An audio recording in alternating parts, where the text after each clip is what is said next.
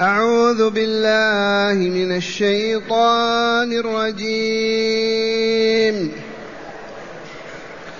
إن الذين ينادونك من وراء الحجرات أكثرهم لا يعقلون. ولو أنهم صبروا حتى تخرج إليهم لكان خيرا لهم. والله غفور رحيم. يا أيها الذين آمنوا إن جاءكم فاسق بنبأ فتبينوا فتبينوا أن تصيبوا قوما بجهالة فتصبحوا على ما فعلتم نادمين. واعلموا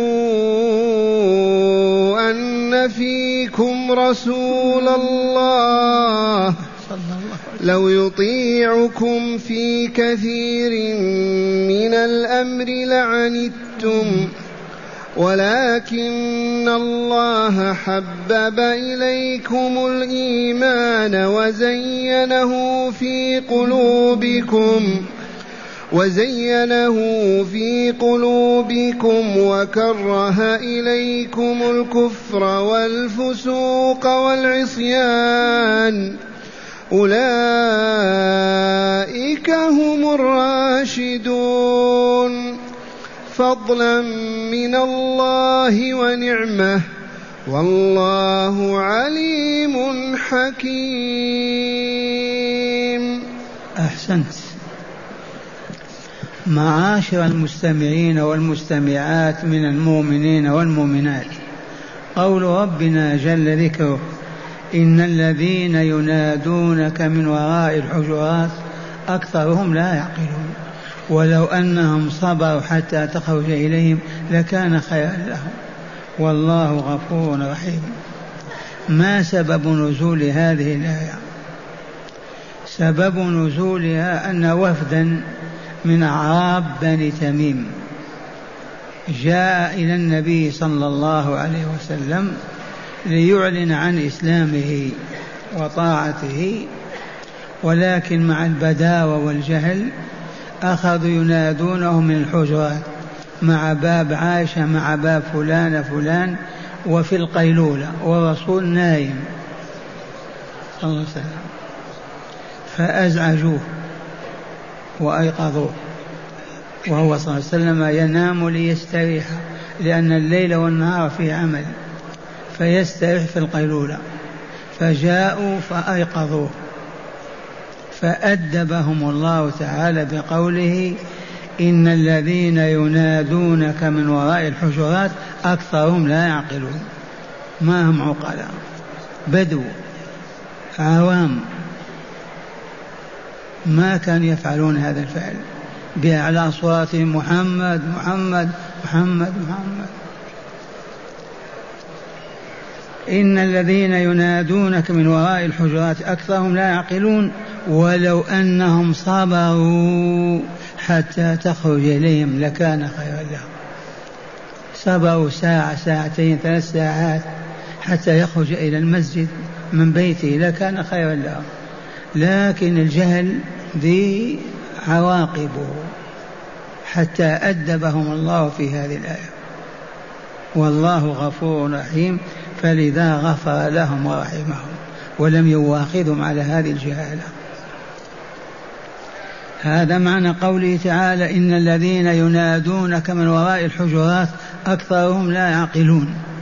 ولو أنهم صبروا حتى تخرج إليهم لكان خيرا لهم. والله غفور رحيم. ما صبروا. وهذه حال الجهل والبربرية وعدم العلم لا بد هكذا. لو كانوا عقلاء بصراء سألوا عن الرسول قالوا نائم يجلسون ساعة ساعتين حتى يستريح ويخرج. ثم نادانا تعالى بقوله يا أيها الذين آمنوا إن جاءكم فاسق بنبأ فتبينوا أن تصيبوا قوما بجهالة فتصبحوا على ما فعلتم نادمين. هذا النداء لأصحاب رسول الله صلى الله عليه وسلم. أولا وهو شامل لكل المؤمنين.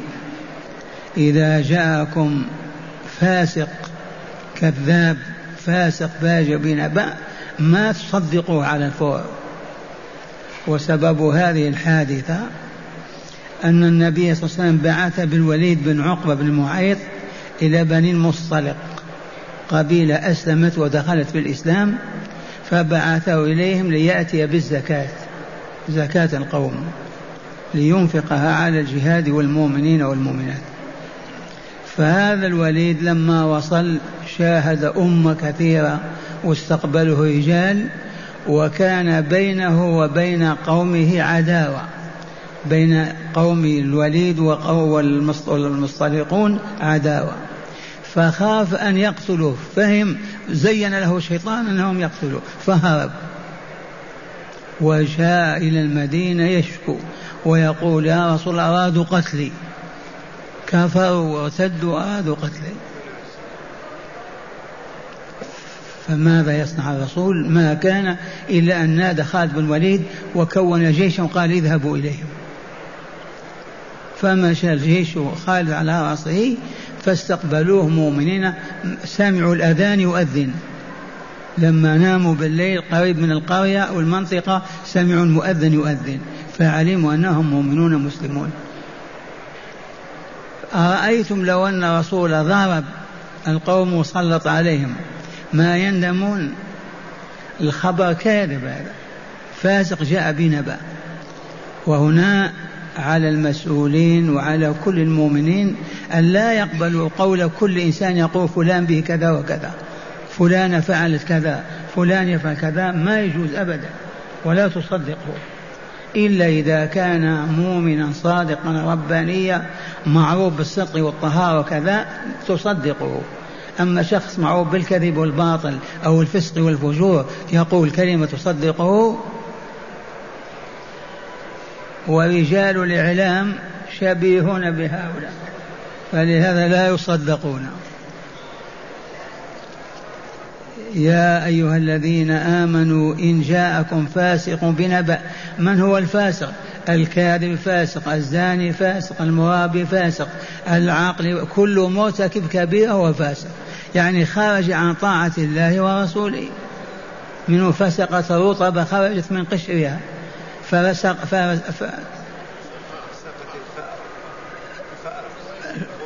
الفويسقة فسقت الفويسقة خرجت من جحرها. فكل من خرج عن طاعة الله ورسوله فاسق كافرا أو مؤمنا. إن كان كافر فهو كافر وإن كان مؤمن فهو مؤمن ولكنه فاسق والعياذ بالله تعالى. يا أيها الذين آمنوا إن جاءكم فاسق بنبأ والنبأ الخبر العظيم خبر فيه ما يترتب عليه من فوائد أو ضرر فتبينوا تأكدوا تبينوا راجعوا القضية فكروا فيها اسألوا غيره حتى تهتدوا. أما بمجرد قال فلان فلان تقولون هذا حرمه الله علينا بنص الآية الكريمة. إن جاءكم فاسق بنبأ فتبينوا. يجب أن تتبينوا قبل أن تقولوا أو تفعلوا حتى لا يترتب على ذلك ألم وفساد لكم. يا أيها الذين آمنوا إن جاءكم فاسق بنبأ فتبينوا. لماذا؟ خشية أن تصيبوا قوما بجهالة. القوم الذين قالوا فيهم كذا وكذا تضربونهم تقاتلونهم بعد ذلك يتبين لكم أنكم مخطئون. ما هم أهل لهذا أبدا؟ أن تصيبوا قوما بجهالة فتصبحوا على ما فعلتم نادمين. وقطعا يندمون. هذه الآية بالذات للمستمعين والمستمعات ما نقبل قول قائل فلان فلان فلان وفلان وكذا أبدا. إلا أن يكون الخبر من مؤمن صادق في القول والبيان يجزم به نعم. أما مجرد قالت فلان أو قال فلان ما يقبل هذا أبدا. نهينا عنه. لأنه يترتب عليه عداوة أو بغضاء أو فساد أو شر. بدون داعي لهذا هذا توجيه الله عز وجل وتربية لأمة الإسلام. يا أيها الذين آمنوا إن جاءكم فاسق بنبأ فتبينوا. لماذا؟ أن تصيبوا قوم بجهالة فتصبحوا على ما فعلتم نادمين. ولا ينفعكم الندم. ثم قال تعالى وقول الحق واعلموا أن فيكم رسول الله. هذا يتناول الأصحاب رضوان الله عليهم. فيكم رسول الله. قد يوحي الله تعالى أن فلان كاذبا أو أن فلانا ليست بصادقه أو كاذبة. اذا فخافوا من أن ينزل الوحي من السماء يفضحكم فما دمتم مع رسول الله ما تقولوا ابدا إلا ما هو حق وصدق. أو يخبر الله ورسوله ويفضحكم فلا داعي لهذا أبدا. أما نحن الآن ليس معنا رسول صلى الله عليه وسلم ومع هذا نلتزم. ما نقول قال فلان قالت فلانة نشيع الباطل والمنكر بين الناس ما يجوز أبدا. واعلموا أن فيكم رسول الله لو يطيعكم في كثير من الأمر لعنتم ووقعتم في المشاق والفتن والبلاء. وهذا يتناول أيضا بعض المسؤولين. ما ينبغي أن يسمعوا من كل واحد. كل واحد يقول له كذا وكذا يفتتنون. فلا بد من اثنين ثلاثة من أهل البصيرة المعرفة يصدقونه.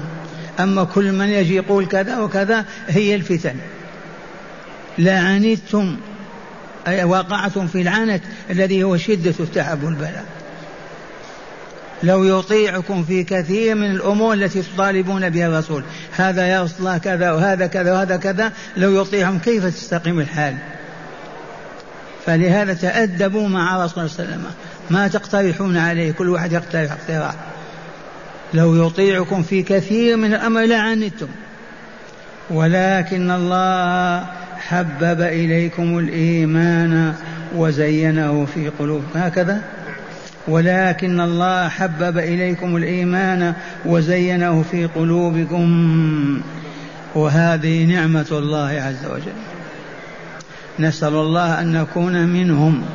حبب إليكم الإيمان فجعلكم تحبونه. قلوبكم شرحها الله ووسعها وقبلت الإيمان فآمنتم. حبب إليكم الإيمان وكره إليكم الكفر والفسوق والعصيان. حبب إليكم الإيمان وزينه وحسنه وجمله في قلوبكم. وكره إليكم الكفر والفسوق والعصيان. هؤلاء أصحاب رسول الله صلى الله عليه وسلم. 120 ألف. وكره إليكم الكفر والفسوق والعصيان. وهكذا المؤمن الحق الآن. والله يحب الإيمان والمؤمنين ويحب كل ما أمر الله بالإيمان به. وزين الإيمان في قلبه. لو تعطى الدنيا كاملة ما تعتاض عنه بشيء. أو تستبدله بشيء. وكره إليكم الكفر والفسوق والعصيان. والمؤمنون الصادقون هذه حالهم. يكرهون الكفر يكرهون الفسوق يكرهون العصيان. عرفتم الفسوق الخروج عن طاعة الله ورسوله بأي شيء. والعصيان كذلك تمرد عدم الطاعة لله ورسوله. وختم هذا الفضل بقوله أولئك هم الراشدون. فمن هنا لم يكن أحد أفضل من أصحاب رسول الله. لا عبد القادر الجيلاني ولا سيدي فلان. بهذه الآية. شهادة الله. أولئك هم الراشدون. فلهذا لا تفضل أحدا عن أصحاب رسول الله مهما ما كانوا. لهذه الآية الكريمة. أولئك هم الراشدون. فضلا من الله ونعمة. هذا فضل الله عليهم ونعمته عليهم. مرة ثانية احذر أن تفضل عن أصحاب رسول الله أحدا. لا عالما ولا وليا ولا ولا ولا. كل الخلق دونهم لأن الله رفع قدرهم وعلى شأنهم وأنزل فيهم بعث فيهم رسوله وأنزل فيهم كتابه. وهذه الآية كافية في الدلالة على ذلك. واعلموا أن فيكم رسول الله. لو يطيعكم في كثير من الأمر لعنتم ولكن الله حبب إليكم الإيمان وزينه في قلوبكم وكره إليكم الكفر والفسوق والعصيان. أولئك السامون. الأعلون؟ الراشدون هم الراشدون. فضلا من الله ونعمة. عطية الله نعمة الله. والله عليم حكيم. يضع نعمته حيث يرى أن أهلها. حكيم كذلك. والله تعالى أسأل أن يجعلنا من محبيهم. اللهم اجعلنا من محبي أصحاب رسول الله. ولا تجعلنا من مبغضيهم ولا مبغض أحد منهم. يا رب العالمين. والله لا نفضل عليهم أحدا أبدا. والله قد فضلهم وقال هم الراشدون. رضي الله والآن مع هداية الآيات. بسم الله والحمد لله والصلاة والسلام على خير خلق الله سيدنا ونبينا محمد وعلى آله وصحبه. من هداية هذه الآيات أولا بيان سمو المقام المحمدي وشرف منزلته صلى الله عليه وسلم. بيان سمو المقام المحمدي وعلو شرفه ومكانته. اي نعم. أول آية ما هو؟ إن الذين ينادونك من وراء الحجرات أكثرهم لا يعقلون. لما يع... نعم لأنهم نادوا رسول الله المفضل المكرم سامي الدرجة عالي المقام ما تأدبوا معه ما قالوا رسول الله نايم ما قالوا كذا. ثم قالوا يا رسول قال يا محمد يا محمد من غرفة من حجرة إلى حجرة. فدلت هذه الآية من هدايتها على علو مقام الرسول وسمو مكانه صلى الله عليه وسلم. ولهذا أدبهم. نعم. ثانيا وجوب التثبت في الأخبار ذات الشأن التي, التي قد يترتب عليها أذى أو ضرر بمن قيلت فيه وحرمة التسرع المفضي بالأخذ بالظنة فيندم, فيندم الفاعل بعد ذلك في الدنيا والآخرة. كما علمتم من هداية الآيات وجوب التثبت من الخبر والقول. ولا نسارع فنقول قال فلان. ولا نسارع العمل فنعمل أبدا. حتى نتثبت تثبتا كاملا ونعرف أن النبأ عظيم. الخبر صدق. والحادث كذا حينئذ لا بأس. أما لمجرد ما نسمع القول نقول قال فلان ويترتب عليه فساد وشر لا ينبغي أبدا. أدبنا الله تعالى بهذه الآية. نعم. ثالثا وأخيرا من أكبر النعم على المؤمن تحبيب الله تعالى الإيمان إليه وتزيينه في قلبه وتكريه, وتكريه الكفر إليه والفسوق والفسوق والعصيان وبذلك أصبح المؤمن أرشد الخلق بعد أصحاب رسول الله صلى الله عليه وسلم. وبذلك أصبح المؤمن أرشد الخلق بعد أصحاب رسول الله. فأصحاب رسول الله أول هم الراشدون. وأيما مؤمن طاهر القلب طاهر النية صالح إلا وهو من الراشدين. اللهم اجعلنا منهم.